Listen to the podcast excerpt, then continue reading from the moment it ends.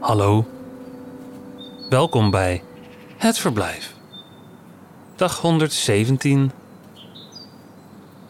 Vandaag Annemarie Haverkamp leest de achtste dag van Annemarie Haverkamp. Hij staart omhoog in de donkere schacht.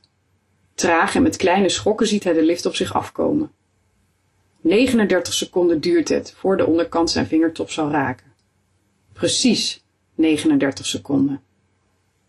Het nostalgische traliewerk van de kooi rinkelt door de abrupte onderbreking. De machine weet dat hij zijn reis naar beneden moet staken bij de minste winst, weerstand. Egbert haalt zijn vinger weg. De lift blijft hangen waar hij is gestopt, midden in de huiskamer, aan oersterke kabels. Vroeger, toen er nog wel eens kinderen op bezoek kwamen, was het Egberts favoriete act. Onder die lift gaan staan en doen alsof hij zich liet verpletteren. Die ogen. Emma lachte dan. Vanaf de eerste dag waren ze allebei verliefd geweest op de lift die uit het plafond kwam.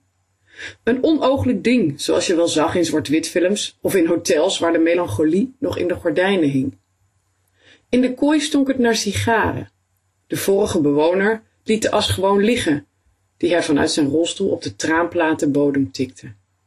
Maar wie had er nou een kooi in zijn huis, waarmee hij langs drie verdiepingen kon zweven? Adam was nog te klein geweest om te snappen dat een lift in een smalle dijkwoning iets bijzonders was. Te stom, bovendien. Egbert drukt op het bedieningspaneel aan de muur en stuurt de lift weer omhoog. Even langzaam als hij kwam,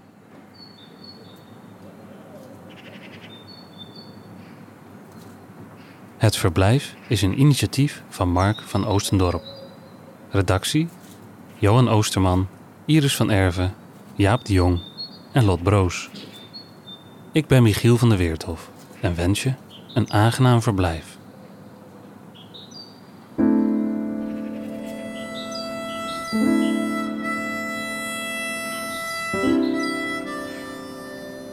Tot morgen.